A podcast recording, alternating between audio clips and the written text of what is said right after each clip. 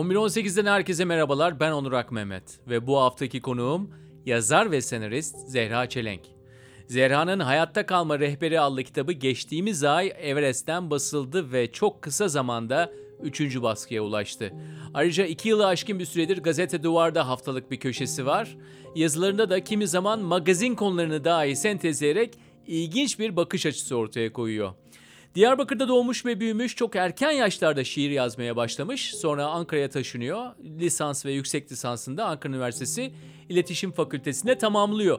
O sırada yani okurken çeşitli dizilerin yazım ekiplerinde yer alıyor. Dizi yazarlığı, reklam metin yazarlığı, müzik videoları, tanıtım filmleri derken mesaisinin büyük bir kısmını bu tür işlere harcıyor o yıllarda. Sonra 2007-2008'de TRT1'de yayınlanan Yeni Evli adlı dizinin 175 bölümlük bir dizi bu. Günlük komedi dizisi diyebiliriz. İşte bu dizinin proje tasarımını yapıyor, baş yazarlığını üstleniyor. 2011'de de öykü ve senaryosunu yazdığı Hayatı Beş Kala adlı dizinin yapımcılığını üstlenmiş. 2014'te Fox TV'de yayınlanan Ruhumun Aynası adlı dizinin de öykü ve senaryosunu yazmış. Hatta bu dizi 2015'te Artemis'ten aynı adla yayınlanan romanına da ilham olmuş ve Türkiye'de bir diziden uyarlanan ilk roman olarak biliniyor. Zera İstanbul'da yaşıyor ve geçtiğimiz haftalarda Taksim'deki ofisimde onu ağırladım. Buyurun dinlemeye diyorum. Evet kitabını e, metroda birkaç kere e, işte Osman Bey'le e, Gayretli Parası bir hikaye okuyorum. Ondan sonra bir sonraki durakta bir hikaye daha okuyorum. E, ama en başından başlayalım. Kime adadığınla başlayalım. Çünkü bugün kaç? 17 Mayıs. Ve e, bu kitabı adadığın kişi baban. Evet. Ve ismi de Hasan Tahsin Çelenk doğru mu? Evet doğru. Ee, Hasan Tahsin de Türk mücadelesinin 100 yıl önce ilk kurşunu atan insan olarak biliniyor. Babana neden öyle bir isim konmuş biliyor musun?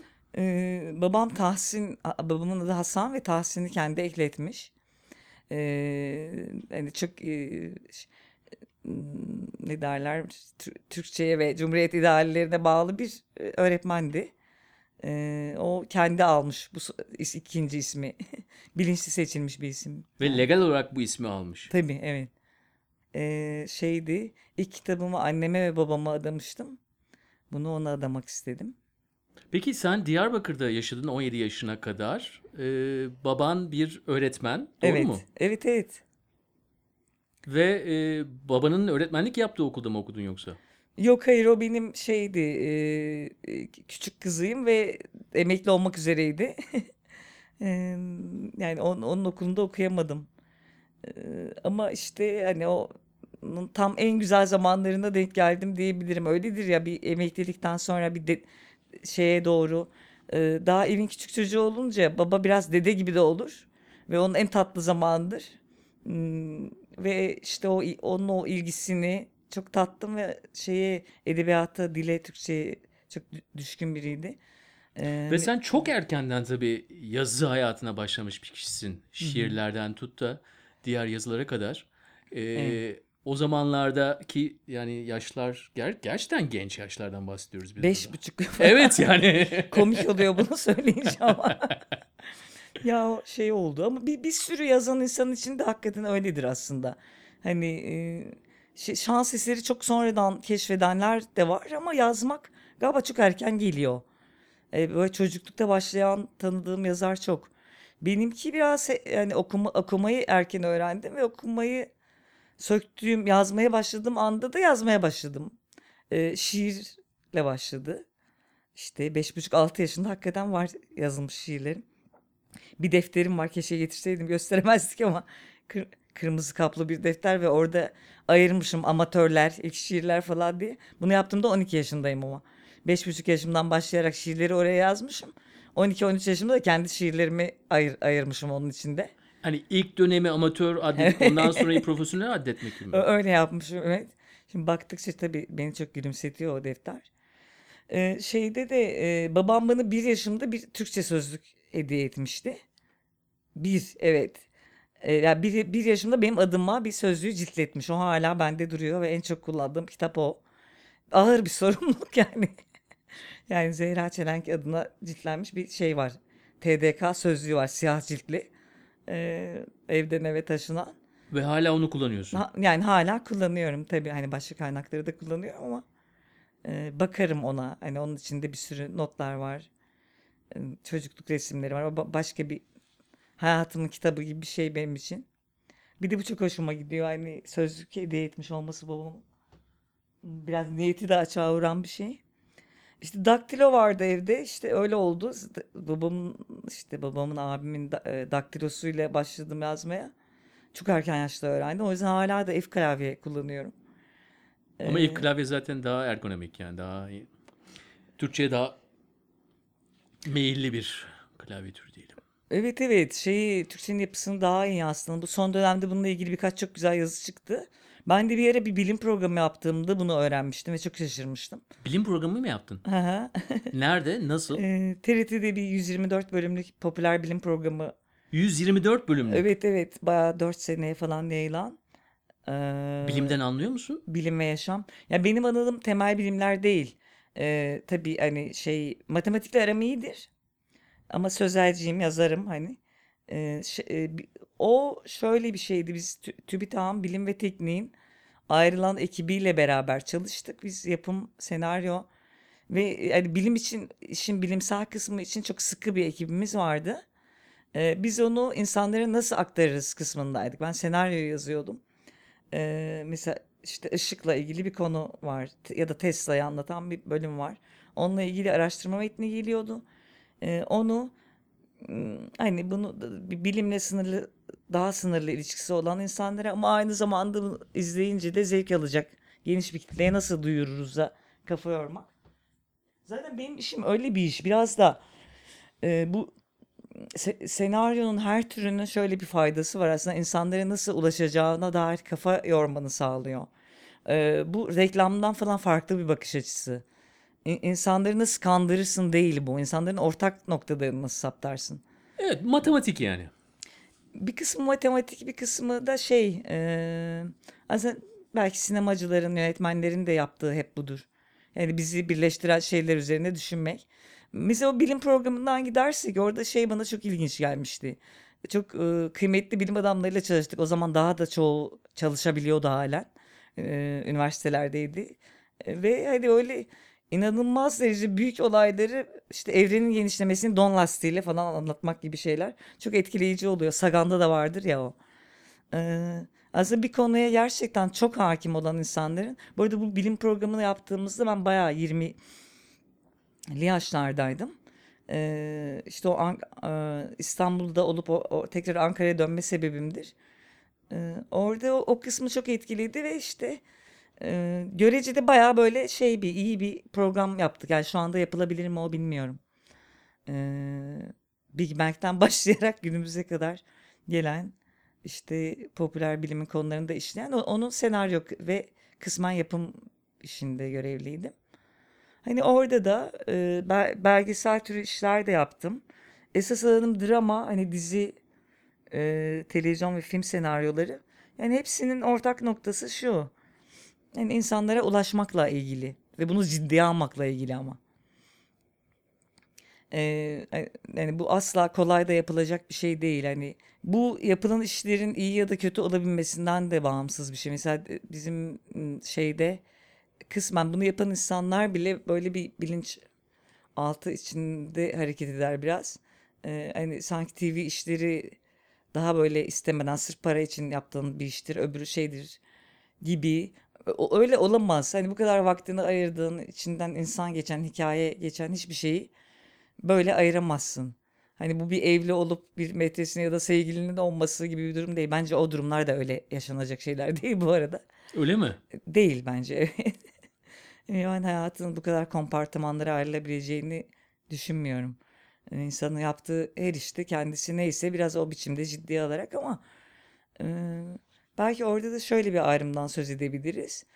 Çok fazla şeyle ilgileniyorsanız esas tutku alanlarınızın ne olduğuna bir noktada karar verip onlara geri dönmek zorundasınız. Çünkü her şeye bu kadar kanından bir damla damlatmak, tarak yaşamak e, zor bir iş.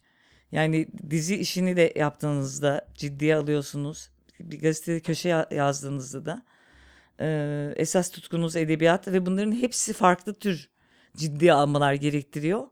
Ama ciddiye almaya gerektiriyor. Ama şu elimde tuttuğum kitap herhalde diğerlerinden biraz daha farklı bir yerde değil mi bu kırmızı kaplı kitap? Son Evet. çıkardığım ve ikinci baskısını yapan kitap iki haftada. Evet. Niye? Niye bunun yeri farklı o zaman? O kadar iş yapmış insan televizyonda işte bilim programından tut da çok sevilen bir dizinin senaristi olup da yapımcı olarak yıllardır bu için işin içinde olan bir kişi için neden bu daha özel o zaman bu söylediklerinden sonra? Ya onların özel tarafı yazılar da özel ama e, hani edebiyat benim başlangıç noktam. Edebiyat ve sonra da sinema hani böyle bir şey yapabilirim. Bu ama gene bu evlilik şey farkı gibi bir keskin bir hiyerarşi değil bu. Ama edebiyat insanın kendiyle kurduğu ilişkiyle başlayan yani tamamen özgür olduğum bir alan ve o birikmiş bir eser. Ee, hani onun içinde benim çocukluğumdan bugüne getirdiğim bir sürü malzeme var. Ee, her bir öykünün içinde. Hani dünyaya dair bir sözün senin.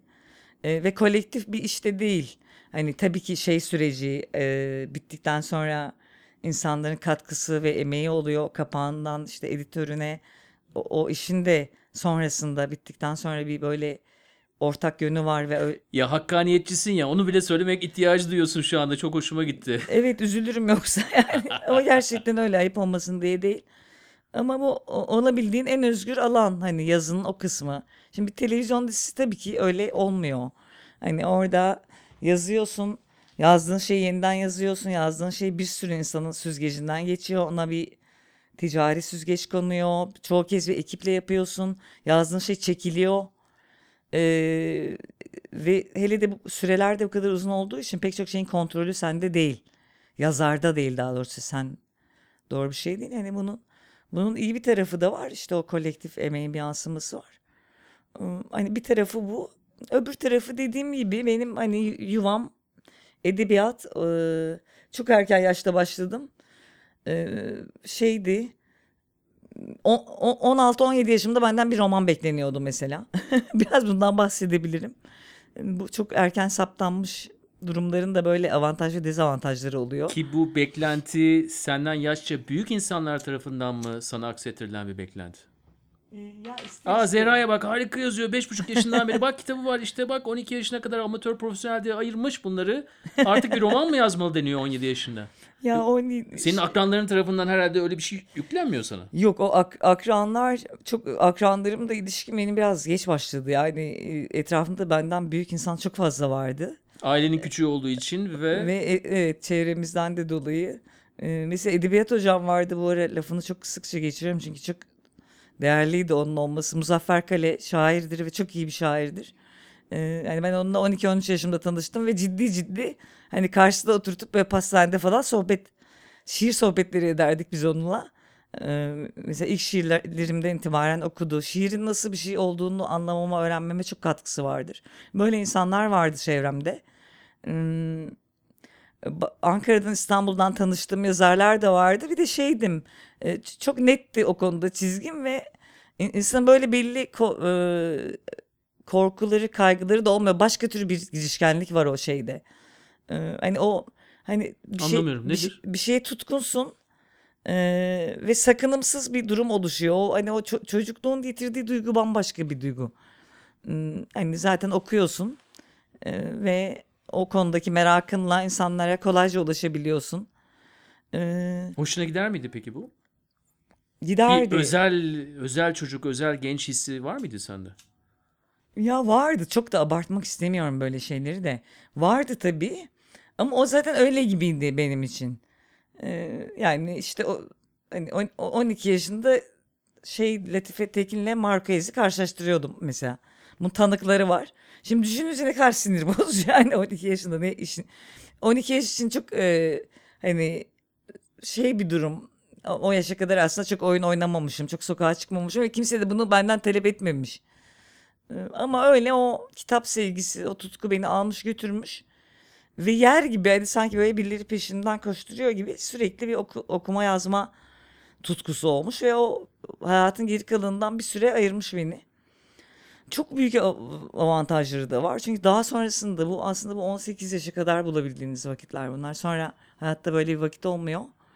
Ee, ama sosyalleşmenin belli bir biçimini de o, o sağlıyor. Dünyayla böyle ım, bir iletişim kurmuş oluyorsun. Ee, sonra mesela benim 15-16 yaşlarımda yaşıtlarımda ilişkilerim başladı ve dünyanın ne kadar zevkli bir yer olduğunu birden keşfettim. Zevkli. Tabii. Ondan sonra da eve sokamadılar yani. Ha yani sen o yaşlarda daha önce deneyimin olmadığı için bir anda sudan çıkmış balığa dönmedim diyorsun. Bir anda aa nasıl bir hayatmış ya ben hoşlandın yani bundan. Tabii doğru. Aslında benim içimde öyle bir yan varmış. Onu keşfettim. Yani ben bir yanıyla da çok sosyal bir insanım. Maalesef ki yani. Hani bu şeylerin çünkü ilginç bir, bir sürü elementi içinde taşımanın zor tarafları da var.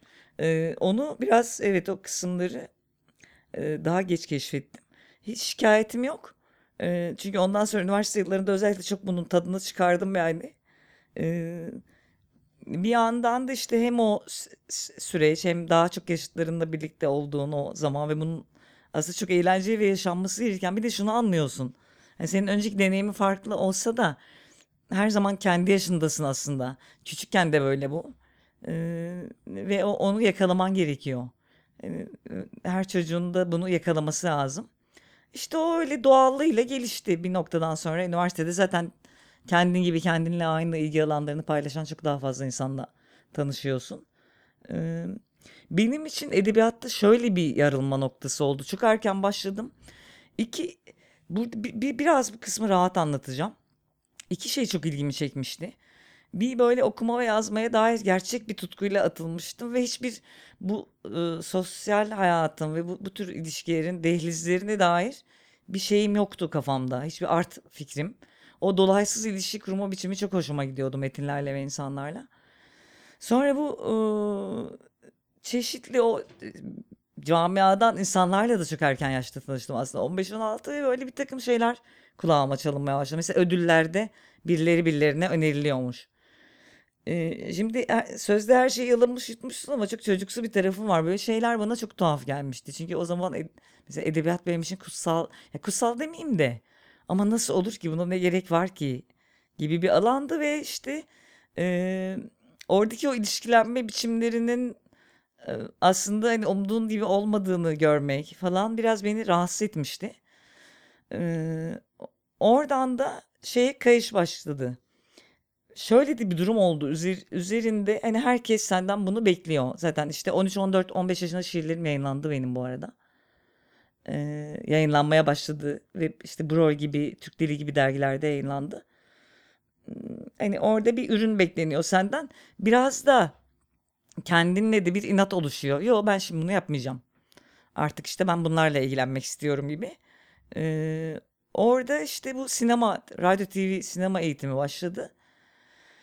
Ee, onunla birlikte de hem bir senaryoya akış oldu. Aslında en uzun aralık benim bu TV işleri ve senaryoyla verdiğim aralık. Hmm, O, orada da onun bir kaptırması, onun bir aldığı zaman oldu. Yani edebiyat hep devam etti ama o inanılmaz bir, bir biçimde hayatının tının hani üçte ikisini kaplayan bir şey haline alabiliyor. Ve işte onu da bir tutkuyla yapmak. Orada da bir takım böyle hayallerin olması. Şu neye yapılamasın. Türkiye'de ilk polisiye ne yapılamasın. Böyle ar- ar- arzularla yola çıkıyorsun. Ama işte o çok kolay olmuyor. Ee, hani mesela o zaman yapılamamıştı. O, çok kısa bir süre sonra ben bir komedi yazarken işte Behzat Ç. yapıldı. Bir gün birileri bir şey yapıyor ee, falan ama işte Türkiye zor bir yer bu anlamda. Neyi, ne oldu? Neyi anla, Kıskançlık oluşuyor mu diye merak ettim. neyle ilgili? Çünkü önceden görme yetisine sahipsin. Neyin yapılıp neyin yapılmadığını da Evet. görebiliyorsun. Neyin yapılabileceğini de görebiliyorsun. Ama yani senden önce de yapılıyor birçok şey. Bu çok sinir bozucu bir şey aslında. Ha, teşekkür ederim. Yani şey e, gene öyle diyeyim. Bence bu bizim işlerle uğraşan insanların çoğunda olan bir önsezi bu yapı görme. E, ama bizim sektörün şöyle bir yapısı vardır. Bir şey yapılmadan yapılamaz. Çok kısa vadeli eğilimlerle belirlenir her şey. Mesela daha önce dört kadının hikayesi tutmamışsa son iki sene çok kısa vadeli hafızayla hareket ederiz biz. Son iki senede o yapılmamışsa o tutmaz denir. Bir yapımcılar da böyle bir risk alamazlar. Çünkü çok para dökülüyor o işlere. Bayılırlar. Hani götürürsün hikayeyi. Yapımcıların da büyük kısmı çok kafası çalışan insanlardır. Ee, Ama o risk bir ortak risk olarak alınamaz. bazı kapılar bir türlü açılmaz. Ya da kapılar hiç ummadığın yerden açılır. Hmm, Ce- şeyin e, Gerald Kelsey'in çok güzel bir televizyon yazarlığı ilgili kitabı vardır. Belki dünyanın her yerinde böyle bu. E, Şey der aslında bu belli dönemlerde birdenbire daha önce öne çıkmayan türler herkesin birden aklına gelmeye başlar. Hani bunun niye böyle olduğunu o kitabın bir bölümünde çok güzel anlatmış. Aslında toplumun bir döneme girmesiyle, eksik olanı fark edilmesiyle, bilmem neyle ilgili. Ee, o yüzden biraz da bu işlerin doğalda yapısı herhalde deyip hani kendimizi üzmüyoruz. Evet yani bir şekilde kendini üzmeme yöntemi olabilir bu. Ee, ama insan tabii burada da şu soruyu sormak gereksiniminde hissettim kendimi. Ee, sence bu dönemde 2019'da mesela e, illa sektörel bir soru değil bu. Televizyonda, sinemada, yazıda diyerek ayırmayalım. İlla o kategorilere sokmadan sormak istiyorum sana. Tamam. Şu an ihtiyacımız olan ne? Valla şu an ihtiyacımız olan eee, çok bence her alanda yazının her alanında bir kere bu çok dar ve kapalı ve kendini gözetmeyen sürekli kendine bakmak yani kendine bakmak ama kendi sağına soluna bakmak değil gerçekten kendine bakmak. Ee, hani hep başkasını suçlamak değil. Yani Çok şiddetli, çok güçlü, güzel işleyen bir düşman bulma mekanizmamız var bizim. Ve bu sağında solunda maalesef her yerde bu desenler işliyor. Bundan bir çıkmak lazım. Kendini deşmek lazım. E, İşte hani bu buralardan çok aforizmatik yerlere gidebiliriz ama yazılarda kısmen anlatmaya çalışıyorum. İyinin de kötünün de senden başka bir yerde olmadığını görmek lazım. Bu yüzleşme biçimleri çok zor bir zamanda yaşıyoruz. Ve bizlerin yaptığı aslında bir tür tercümanlık bir tür tercümanlık hani elinde bir dil var ve sen de bunun içinden anlayarak, yorumlayarak yazıyorsun. Yazarken de anlıyorsun bir sürü şeyi. Bir görün var ama bir, bir sürü şeyi kendini de riske atarak. Hani orada bir bilir kişi şey falan her şeye kadir falan değilsin. Ee, ama o bildiğin ve bilmediğin alanı da iştenlikle ve herhalde biraz egoyla belli tür mesafeler koymayı başararak. O çok zor bir şey onu da söyleyeyim. Ee, yaptığın zaman bir karşılığını buluyor. İkincisi e, bir yörüngede gitmek aslında çok önemli bir şey. Hani kafayı ama şeyle takan ne derler bu böyle takıntılı aşık gibi değil de ben bunu yapacağım diyen bir sürü insanın bir şey yaptığını gördüm. Ama e, böyle de- delice çağın o anki şeyin koşullarına gözü kapatarak değil. Gerçekten inanarak ee, hani bir mesela bir polisiye çekmek istiyorsan çekersin. Bir polisiye roman yazmak istiyorsan yazarsın. Bunlar asla yapılamayacak işler değil. Hani bu iştenlik mesele, dert, ım, dert edinmek dediğimiz şey. Hani kendi dert edinmediğin konuda yazmamalısın. Hani bu bu insanların ilgisini çekiyor. Ya da şöyle olayım. Ben şöyle bir kılığa gireyim iş- işi değil yazmak bana göre. Ee, hani yazmanın hemen hemen hiçbir türü değil. Hani bir köşe yazmak da değil. Nasıl bir insansan öyle yazman gerektiğini düşünüyorum ben. Hani birden içinden bir alter ego çıkıp hani o ortamı ele geçirince bunun çok sahici bir şey olmadığını düşünüyorum. Anlatabildim mi burada demek istediğimi? Anladım tabii ama ironide tabii yani sen onu daha o tarafa götürmedikçe, egoyu törpüledikçe He. senin etrafına topladığın insanlar da belli sayılarda kalıyor. Yani ne kadar onun o saf halini bozarsan belki de daha fazla insanı etrafına toplayabiliyorsun. Ya valla daha fazla insanı ça- şey dönemlerin de gereksinimleri var. Ben şu an iştenliğin bir gereksinim olduğunu anladım mesela. E, Bir dönem için öyle olmuş olabilir. Ama bu yazıları yazdığım zaman bunu gördüm. Bu yazılar dediğin Yani mesela bu duvar yazılarından bahsediyoruz. Bu geniş şeye ulaşan. Öykülerde de görüyorum şu anda. Ee, televizyon daha farklı bir şey. Televizyonda bir külliyat görüyorsun. Hani o, o- orada bu birebir ilişki yaşamak daha zor. Ama yazı ve sonrasında bu e- e, edebi bir, bir, süredir dergilerde de yayınlanan öykülerde de karşılaştım. Öyle değil. Yani insanların hakikaten şeyde biraz bir der- derinlik de içeren içtenliğe ihtiyacının olduğunu hissediyorum. Ve şu an karşılık bulan işlerin çoğunda bunun olduğunu görüyorum. Etrafımdaki yazarlarda da görüyorum bunu. O nedenle hani şey kendini bozmadıkça bir yere varamazsın da çok doğru bir algı değil bence. Daha kolay olabilir ama. Yani mesela benim yaptığım hiçbir iş çok kolay olmamıştır onu söyleyeyim. Ama benim için değerlisi bu olmuştur yani. Evet ilk duvar yazılarına başladığın zaman bir e, tweetinden galiba yola çıkıldı. Yani bir Oscar tweeti atmıştın galiba. Ondan sonra e tabii canım benim de, benim de işim bu yani. Sonuçta ben de işimi ciddiye alan bir insanım yani Zehra. Evet, evet. Ve ondan sonra e, benim çok sevdiğim duvar yazıları başladı. Hmm. E, Oscar'lar hakkında ne yazmıştın? Ve tekrar o Oscar'lara da geri döndüm bir, se- bir sene sonra zaten. E, Evet. Oscar yazısı yazmak çok hoşuma gidiyor. Çünkü benim de iyi bildiğim bir alan. E, ne, ne gözle yazmıştın? Ne yazmıştın e, o yazılarda? Ya valla oradaki o bizim gen, şeyin duvarın genel yayın yönetmeni Ali Topuz'un da çok iyi şey gazeteci içgüdüsü tabii. Hani her zaman Oscar geceleri e, ş- ş- bu sene onu yapamadım. Hani o sabaha kadar oturup izleyip hani çeşitli şey törene dair e, zaten filmlerin çoğunu da izlemiş olabiliyorduk falan. E, ondan sonra işte aklıma gelenleri bir tweet formatımda yazıyordum. İşte bir zaten bir süredir gözlüyormuş Ali onu. E, O sabah bana yazdı ya bunları bize yazı olarak yazsan keşke Zehra diye. E, Böyle bir hoş, hakikaten çok organik ve ilginç bir başlangıç oldu. Hmm, Çünkü daha önce parça parça yerlerde yazdığım yazılar vardı ama e, bir anda böyle haftalık köşe, her hafta aa. Bir de ciddiye alırım ben bö- böyle işleri. 15 günde bir yazayım ya dedim. Şey dedi bana. Bir, sen onun tadını alırsan 15 günde bir yazmak istemeyeceksin dedi.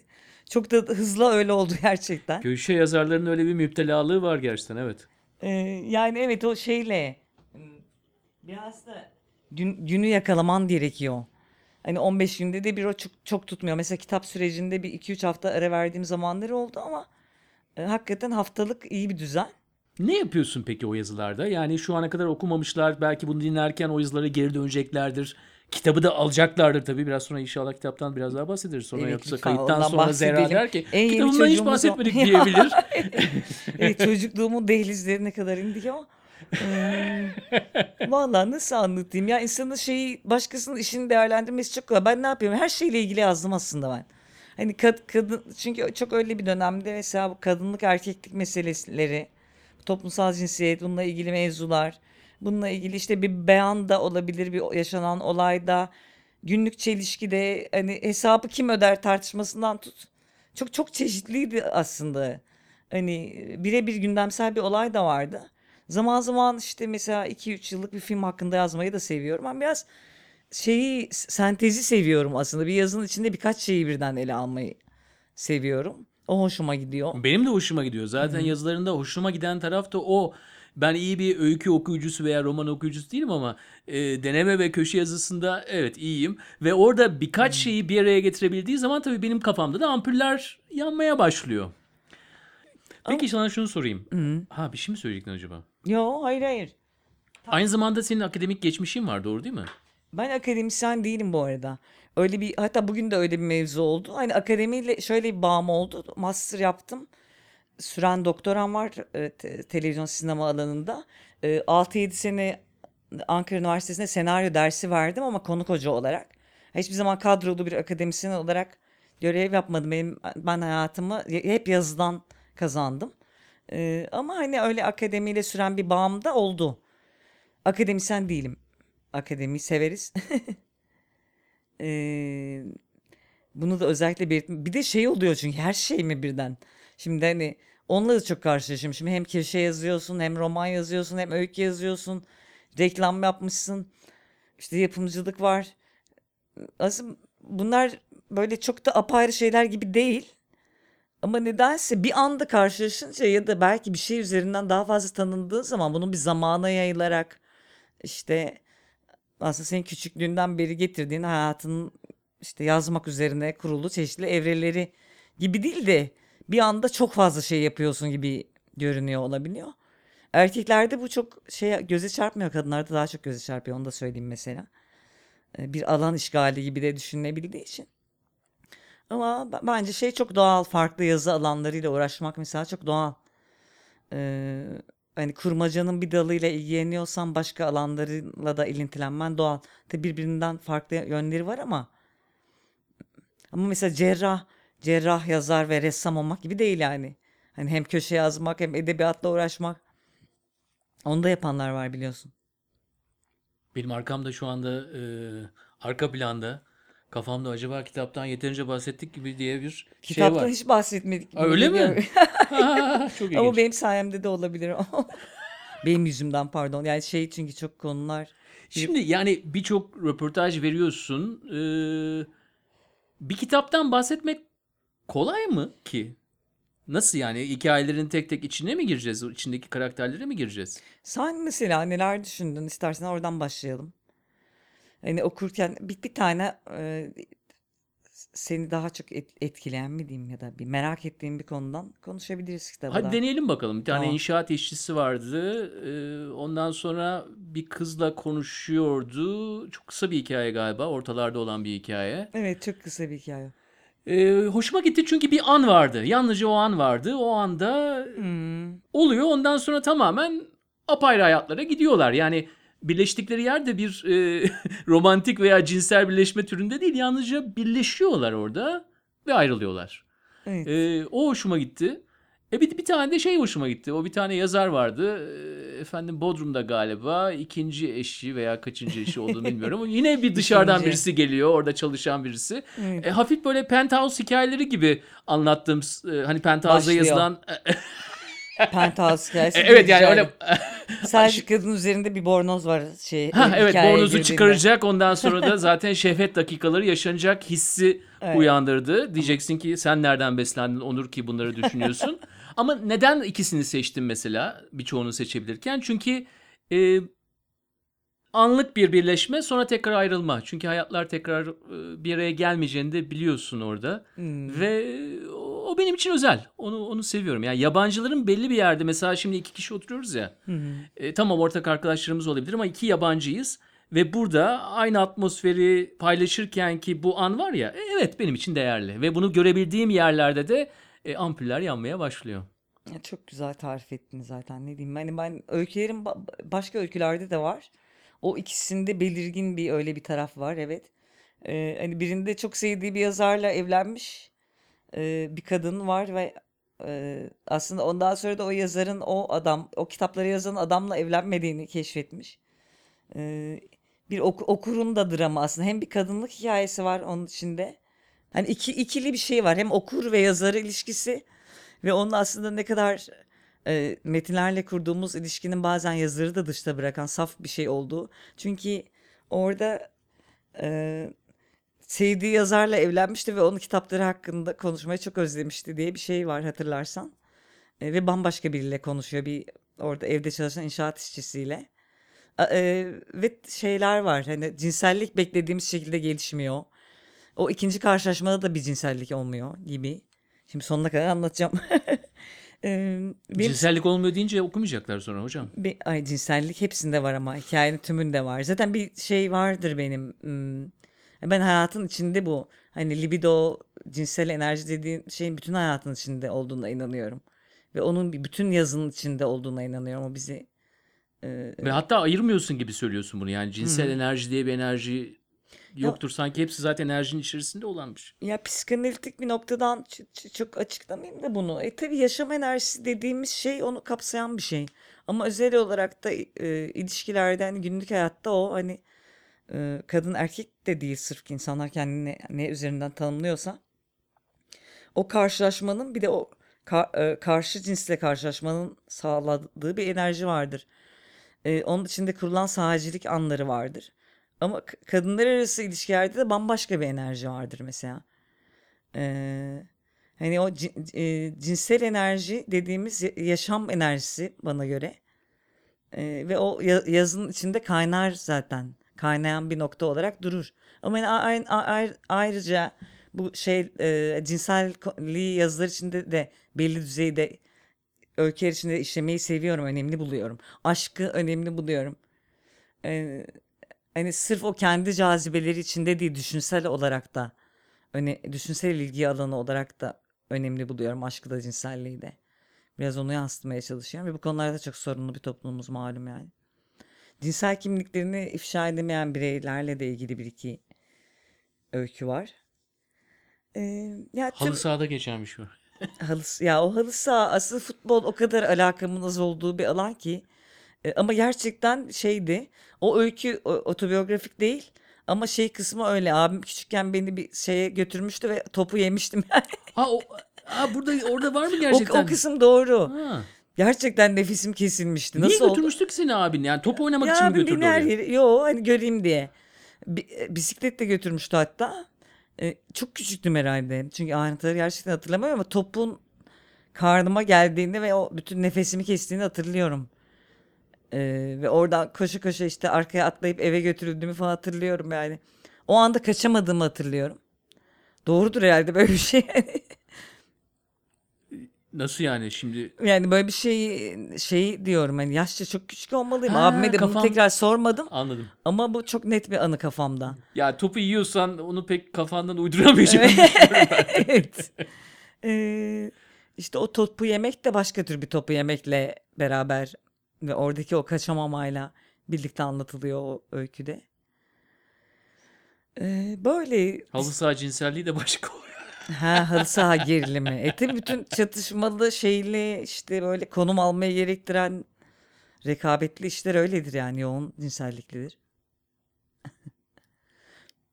Bana sormak istediğin bir şey var mı? Çok teşekkür ederim. Hmm, yo bilmem.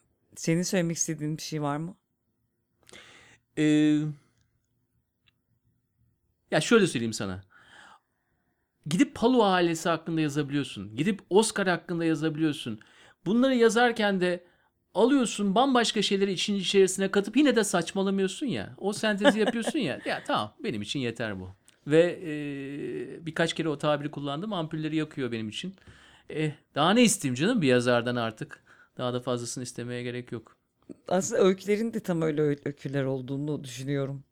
Yani bir sakınmama var. Bana şunu söyleyenler oluyor. Hani o hakkaniyet belki koruyan bir şeydir insanı. Ee, hani biraz böyle gündemsel konularda yazınca aslında onun seni soktuğu öyle bir şey var ki hani bizde o kadar mahalleler bilmem neler gelişmiş ki ve benim sonuçta e, içinde olduğum alanları düşünün. Ben orada şöyle bir ayrım yaptım. Şunun hakkında hiç konuşmayacaksam öbürü hakkında da konuşmam. Hani ben zaman zaman mesela kendi alanımdaki bir şeyi de eleştirebilmeliyim. Ee, yani sırf böyle o kendi oturduğun yerden kendi garantiye alıp o çok yapılıyor çünkü bizde. Hani insanlar kendilerini riske atmayacak biçimde çok güzel giydiriyorlar her tarafa. O benim sevdiğim bir şey değil. Orada başında bir karar verdim. Ee, yapacaksam hani her tarafa o dengeyle yaklaşmalıyım. Yani bir sinema filminde izlediğimde e, gerçekten düşüncem neyse onu aktarabilmeliyim. Bir TV dizisine dair de yazabilmeliyim. Ben yarın öbür gün bana sorun olur mu diye düşünmeden. Zaten aslında böyle bir konumdan yaklaştığınız zaman bu, bu, bu bir strateji gütmeyi de, e, gerektirmiyor. Bunun kendisi hakkaniyetli bir strateji. Ee, yani söz, sözünü şöyle sakınmamış gibi yapıp sakınacaksan yazmamalısın. Kendini işin içine katma riskini almayacaksan yazmamalısın. Bunlar benim inandığım şeyler ve örneğini de çok gördüğümüz şeyler. Böyle yapan yazarlar geçmişte de oldu, şimdi de var. Ee, biraz o noktadan yaklaştım. Ya kendimi çok sakınmadım o anlamda gözümü budaktan. Başkalarını daha çok sakındım aslında. Ee, bunun sonucunda da içim o açıdan rahat yani. Yani ne- neyi ele aldıysam onu işte kendi perspektifimden yaklaşmaya çalıştım ve zaten onun beni götürdüğü bir yol vardı. Dediğim gibi onu yani bir vurmak şeyiyle yola çıkmadım o bir kesin. Ee, kendime de vuramayacaksam başka bir şey hiç vurmam gibi düşündüm. Hani böyle de bu sürekli insan işte bu söyleşilerin şey tarafı sürekli kendin hakkında konuşuyormuşsun gibi oluyor. Ee, evet. Evet o biraz da garip geliyor. Garip geliyor bir noktadan sonra insana. Yani beni en mutlu... ya beni de konuşabiliriz. Sana benim bana soracak sorun var mı diye sordum ama şansını kullanmadın yoksa. Ya ha sana seninle ilgili bir soru Yani soracaktım. ne bileyim istediğini yapabilirsin. Ya pardon Mikrofon ya. senin.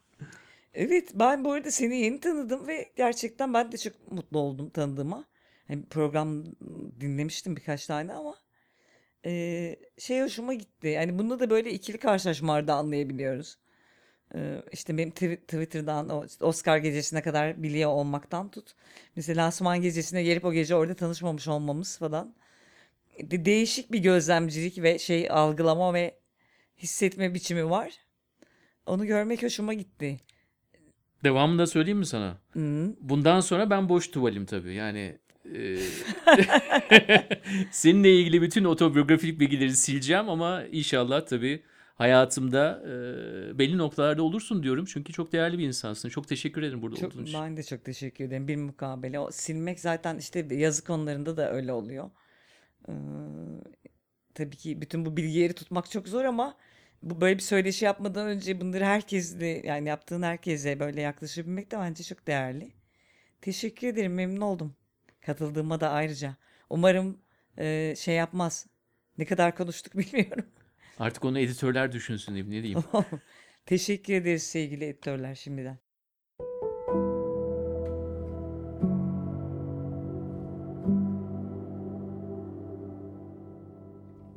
Bu zamanlarda bize ne lazım diye sordum Zerha'ya biraz önce. Birçok konuma bu tür sorular soruyorum ama harika bir cevap verdi gerçekten. Gerçekten kendine bakmak, kendini deşmek, kendinle yüzleşmek dedi. Derinlikle içeren bir içtenlikten bahsetti özellikle. Bence kendi hikayemizi keşfedip içtenlikle anlatmanın gerekliliği konusunda daha hemfikir başka bir grup bulamazsınız dünyanın hiçbir yerinde. 11-18 dinleyicileri kadar ve biliyorsunuz Anlat Hikayeni etkinliklerinde de bunu sahnede yapıyoruz. Birçoğunuz geldiniz. Zerha da geldi bu arada. Desteği için çok teşekkür ediyorum kendisine. Geceye 300'e yakın seyircimiz katıldı ve küçük etkinliklerin samimiyetinden hiçbir şey yitirmeden harika bir gece geçirdik. Fotoğraflar ve kazananlar da Anlat Hikayeni sosyal medya hesaplarında Gelecek sezon yani sonbaharda devam ediyoruz. Eğer anlatıcı olmak istiyorsanız hikayelerinizi bize sesli veya yazılı olarak gönderebilirsiniz. Evet bu programda emeği geçenler editörümüz Onur Kocatürk, direktörümüz Berna Kahraman ve ben Onur Ak Mehmet. Gelecek hafta bayramda Gezi'nin seneyi devriyesine özel bir podcastle buluşmak üzere diyorum.